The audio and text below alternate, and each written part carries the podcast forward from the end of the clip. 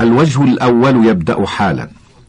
هذا هو الشريط الثالث من كتاب التعليق المختصر المفيد على كتاب التوحيد.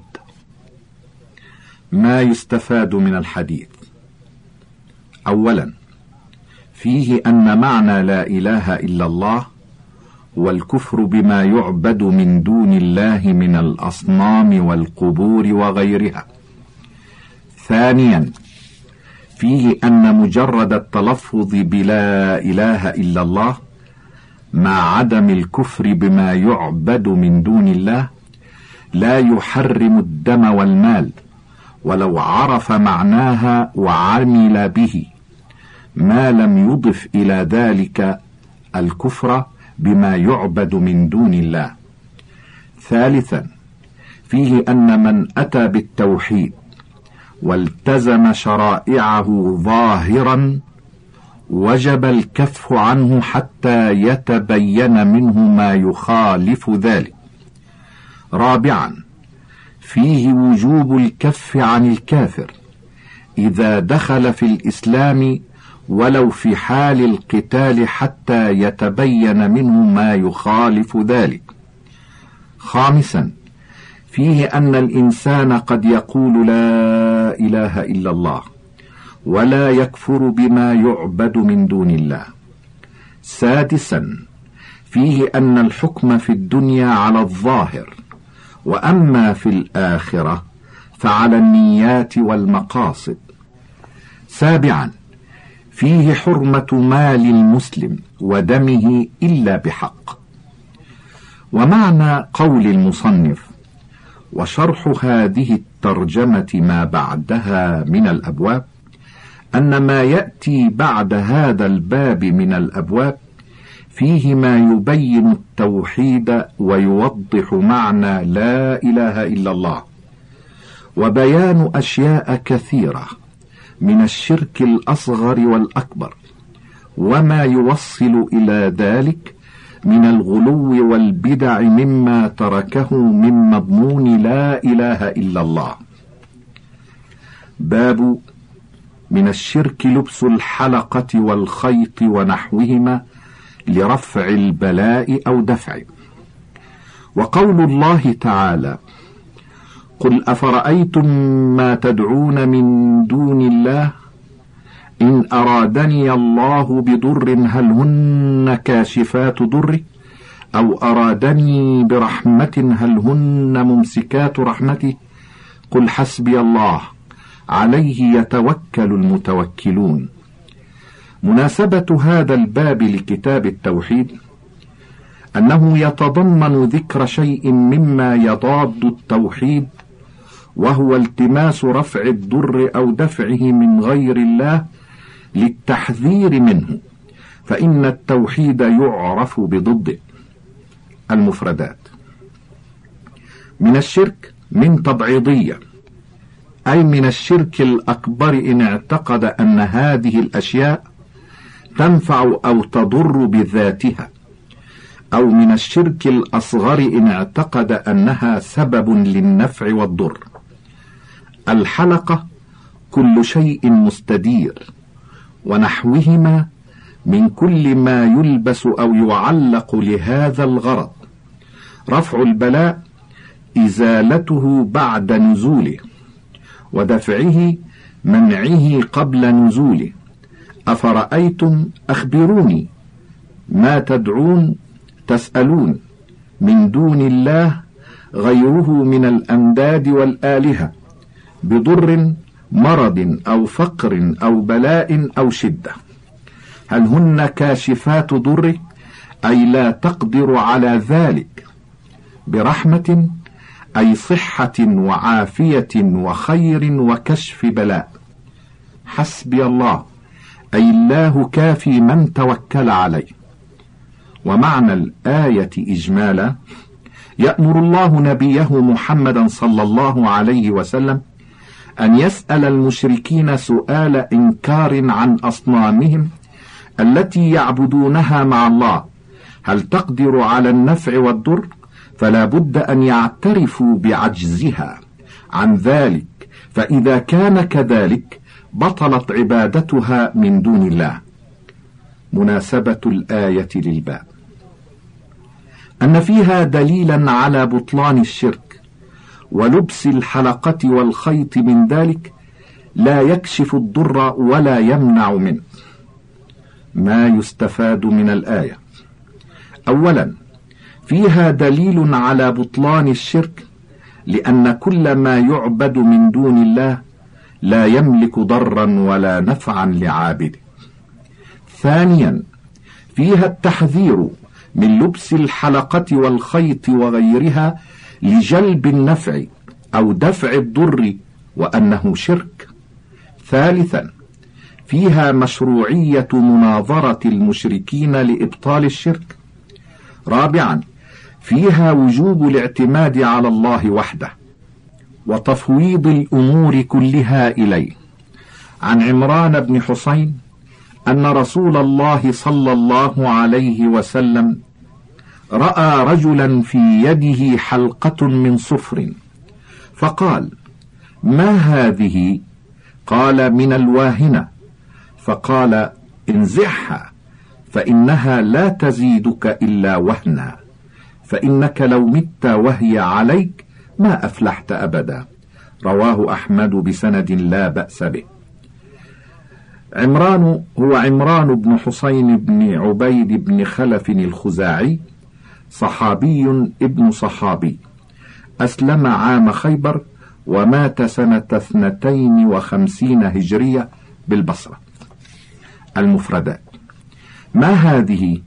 استفهام إنكار. الواهنة نوع من المرض يصيب اليد. انزحها اطرحها والنزع هو الجذب بقوة. وهنا ضعفا. ما أفلحت الفلاح والفوز والظفر والسعادة. معنى الحديث إجمالا. يذكر لنا عمران بن حسين رضي الله عنه موقفا من مواقف رسول الله صلى الله عليه وسلم في محاربة الشرك وتخليص الناس منه. ذلك الموقف أنه أبصر رجلا لابسا حلقة مصنوعة من الصفر فسأله عن الحامل له على لبسها فأجاب الرجل أنه لبسها لتعصمه من الألم فأمره بالمبادرة بطرحها وأخبره أنها لا تنفعه بل تضره وأنها تزيد الداء الذي لبست من أجله وأعظم من ذلك لو استمرت عليه إلى الوفاة حرم الفلاح في الآخرة أيضا.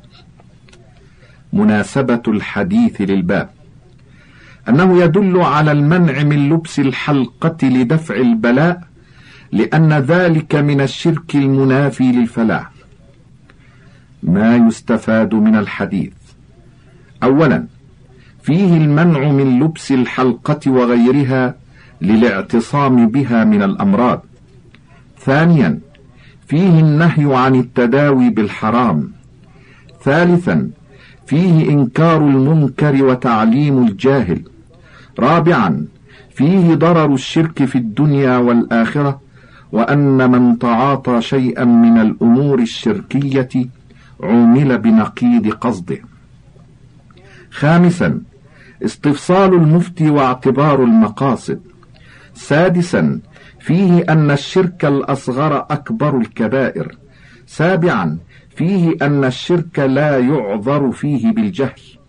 ثامنا فيه التغليظ في الإنكار على من فعل شيئا من الشرك. وله عن عقبة بن عامر مرفوعة من تعلق تميمة فلا أتم له ومن تعلق ودعة فلا ودع الله له وفي رواية من تعلق تميمة فقد أشرك. المفردات. وله أي وروى الإمام أحمد عقبة بن عامر هو عقبة بن عامر الجهني صحابي مشهور وكان فقيها فاضلا ولي إمارة مصر لمعاوية ثلاث سنين ومات قريبا من الستين. تعلق تميمة أي علقها عليه أو على غيره معتقدا بها. والتميمة خرزات كانت العرب تعلقها على أولادهم يتقون بها العين. فلا أتم الله له. دعاء عليه بألا يتم الله أموره. ودعة. الودعة شيء يخرج من البحر. يشبه الصدف. يتقون به العين.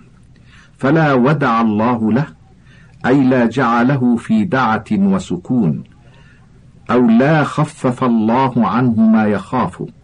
وفي رواية أي وروى الإمام أحمد من حديث آخر. ومعنى الحديثين إجمالا أن النبي صلى الله عليه وسلم يدعو على من استعمل التمائم يعتقد فيها دفع الضرر بأن يعكس الله قصده ولا يتم له أموره كما أنه صلى الله عليه وسلم يدعو على من استعمل الودع لنفس القصد السابق ألا يتركه الله في راحة واطمئنان بل يحرك عليه كل مؤذن وهذا الدعاء يقصد منه التحذير من الفعل. كما أنه يخبر صلى الله عليه وسلم في الحديث الثاني أن هذا العمل شرك بالله. مناسبة الحديثين للباب. أن فيهما دلالة على تحريم تعليق التمائم والودع واعتباره شركا لما يقوم بقلب المعلق لها من الاعتماد على غير الله. ما يستفاد من الحديثين. اولا تحريم تعليق التمائم والودع والوعيد على ذلك واعتباره من الشرك. ثانيا أن من اعتمد على غير الله عامله الله بنقيض قصده. ثالثا فيه الدعاء على من علق التمائم والودع بما يفوت عليه مقصوده ويعكس عليه مراده. ولابن أبي حاتم عن حذيفة أنه رأى رجلا في يده خيط من الحمى فقطعه وتلا قوله وما يؤمن أكثرهم بالله إلا وهم مشركون. المفردات ولابن أبي حاتم أي وروى ابن أبي حاتم صاحب كتاب الجرح والتعديل عن حذيفة وابن اليمان العبسي حليف الأنصار صحابي جليل من السابقين مات سنة ست وثلاثين هجرية رضي الله عنه. من الحمى أي عن الحمى فلا تصيبه بزعمه وتلا أي قرأ الآية مستدلا بها على إنكار ما رأى. معنى الأثر إجمالا. أن حذيفة بن اليمان رضي الله عنه أبصر رجلا قد ربط في عضده خيطا يتقي به مرض الحمى فأزاله عنه منكرا فعله هذا واستدل بالآية التي أخبر الله فيها. أن المشركين يجمعون بين الإقرار بتوحيد الربوبية والشرك في العبادة. مناسبة الأثر للباب أن فيه اعتبار لبس الخيط لدفع المرض شركا يجب إنكاره. ما يستفاد منه: أولا فيه إنكار لبس الخيط لرفع البلاء أو دفعه وأنه شرك. ثانيا فيه وجوب إزالة المنكر لمن يقدر على إزالته. ثالثا فيه صحة الاستدلال بما نزل في الشرك الأكبر على الشرك الأصغر. رابعا في الآية الكريمة أن المشركين يقرون بتوحيد الربوبية ومع هذا هم مشركون لأنهم لم يخلصوا في العبادة. باب ما جاء في الرقى والتمائم. في الصحيح عن أبي بشير الأنصاري رضي الله عنه أنه كان مع رسول الله صلى الله عليه وسلم في بعض أسفاره فأرسل رسولا ألا يبقين في رقبة بعير قلادة من وتر أو قلادة إلا قطعت. مناسبة الباب لكتاب التوحيد. أنه استمرار في ذكر الأشياء التي تخل بعقيدة التوحيد من الرقى والتمائم الشركية. المفردات. ما جاء في الرقى والتمائم أي من النهي عما لا يجوز منها. في الصحيح أي في الصحيحين. عن أبي بشير وصحابي شهد غزوة الخندق ومات بعد الستين. قلادة ما يعلق في رقبة البعير وغيره. وتر واحد أوتار القوس أو قلادة شك من الراوي هل القلادة مقيدة بكونها من وتر أو مطلقة من الوتر وغيره؟ معنى الحديث أن النبي صلى الله عليه وسلم بعث في بعض أسفاره من ينادي في الناس بإزالة القلائد التي في رقاب الإبل.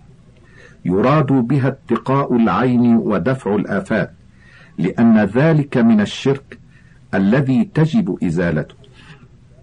ومناسبة الحديث للباب من حيث إنه يدل على أن تقليد الإبل ونحوها الأوتار وما في معناها لدفع الآفات حرام وشرك لأنه من تعليق التمائم المحرمة. ما يستفاد من الحديث. أولا فيه أن تعليق الأوتار لدفع الآفات في حكم التمائم في التحريم. ثانيا فيه إزالة المنكر. ثالثا فيه تبليغ الناس ما يصون عقيدتهم.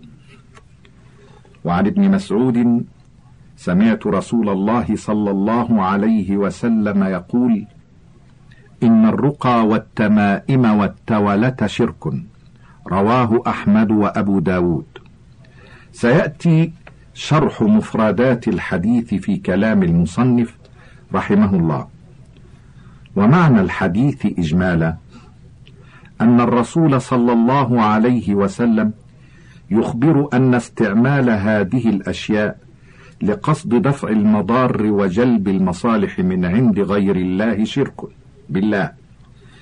لأنه لا يملك دفع الضر وجلب الخير إلا الله سبحانه وهذا الخبر معناه النهي عن هذا الفعل.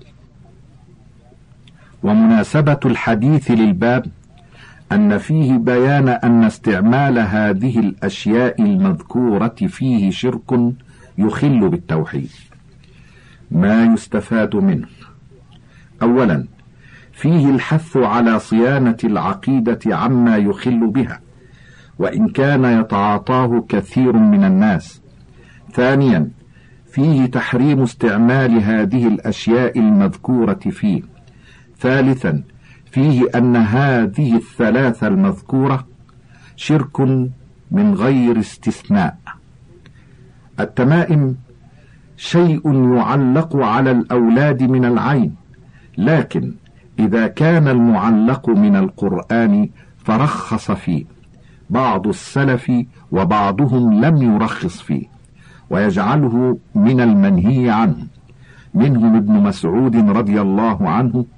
والرقى هي التي تسمى العذائم. وخص منه الدليل ما خلا من الشرك.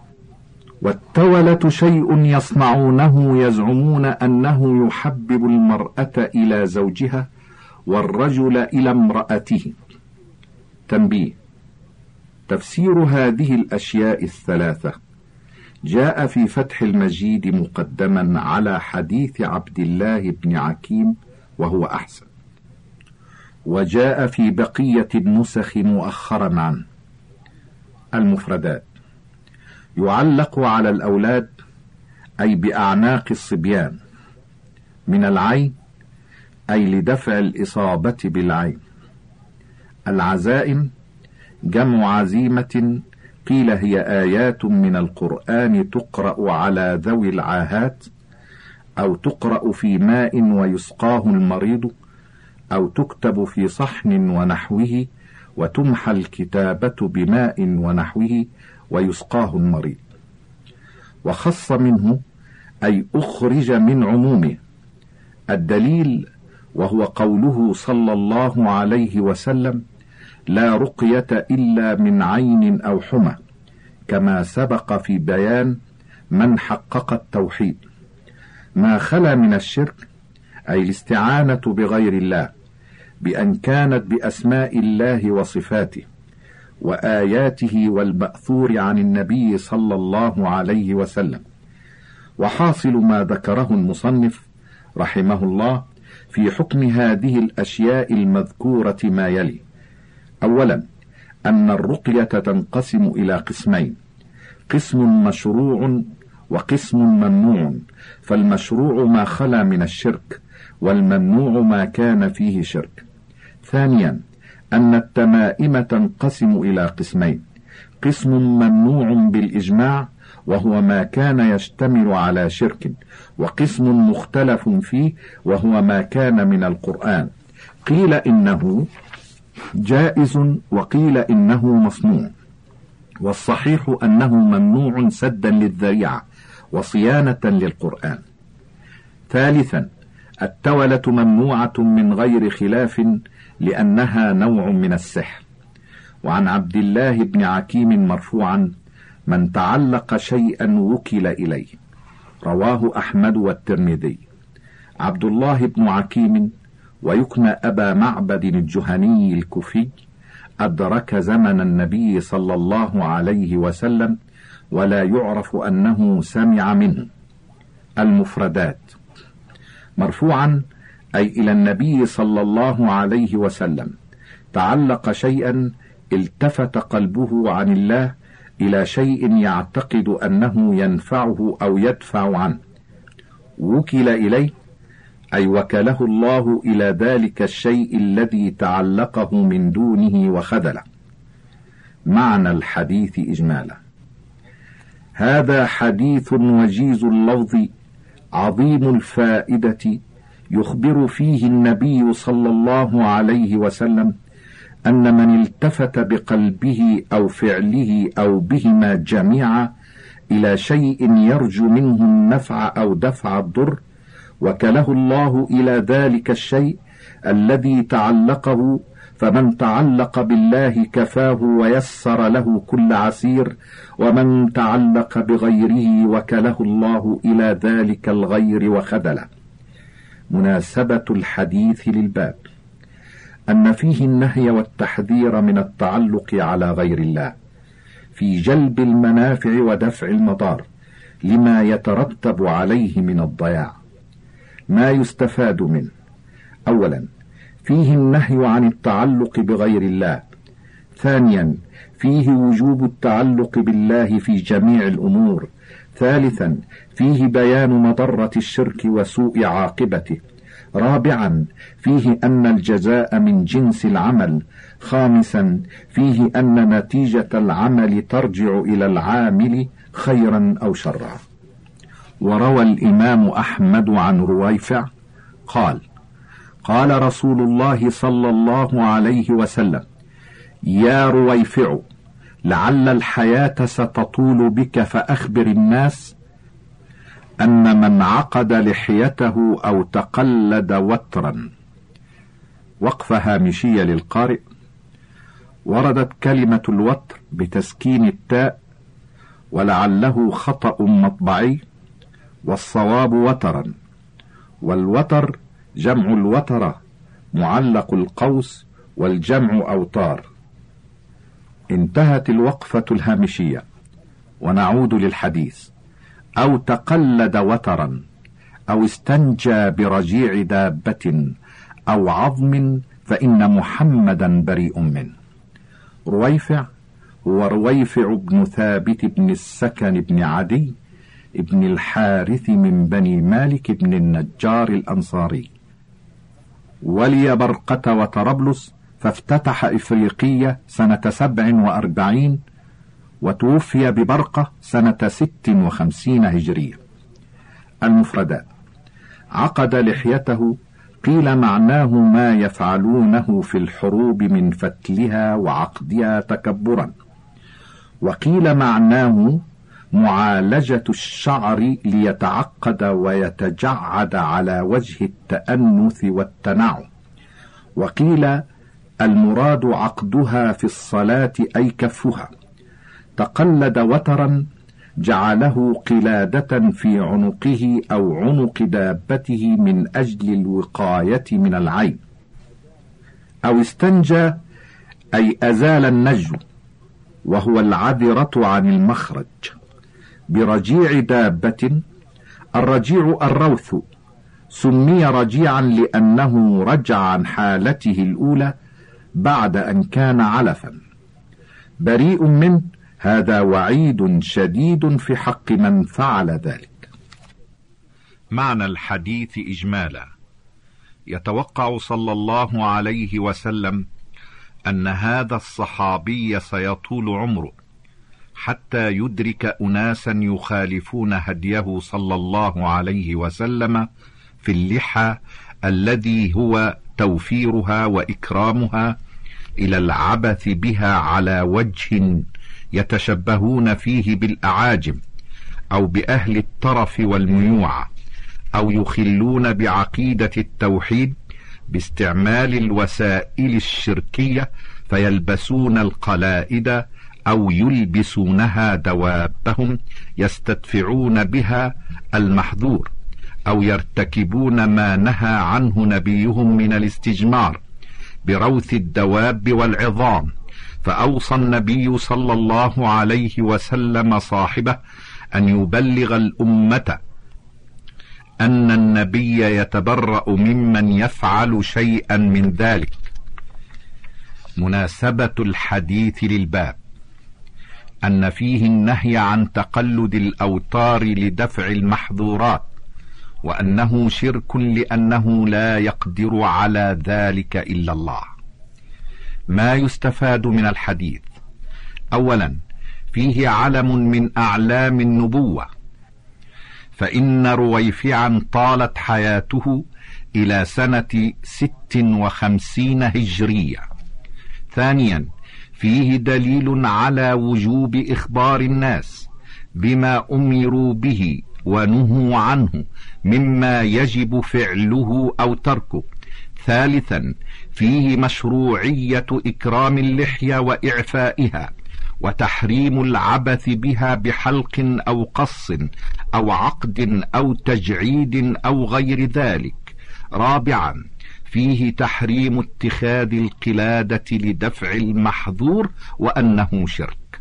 خامسا فيه تحريم الاستنجاء بالروث والعظم سادسا فيه أن هذه الجرائم المذكورة من الكبائر. وعن سعيد بن جبير قال من قطع تميمة من إنسان كان كعدل رقبة رواه وكيع وله عن إبراهيم كانوا يكرهون التمائم كلها من القرآن وغير القرآن المفردات كعدل رقبة أي كان له مثل ثواب من أعتق رقبة.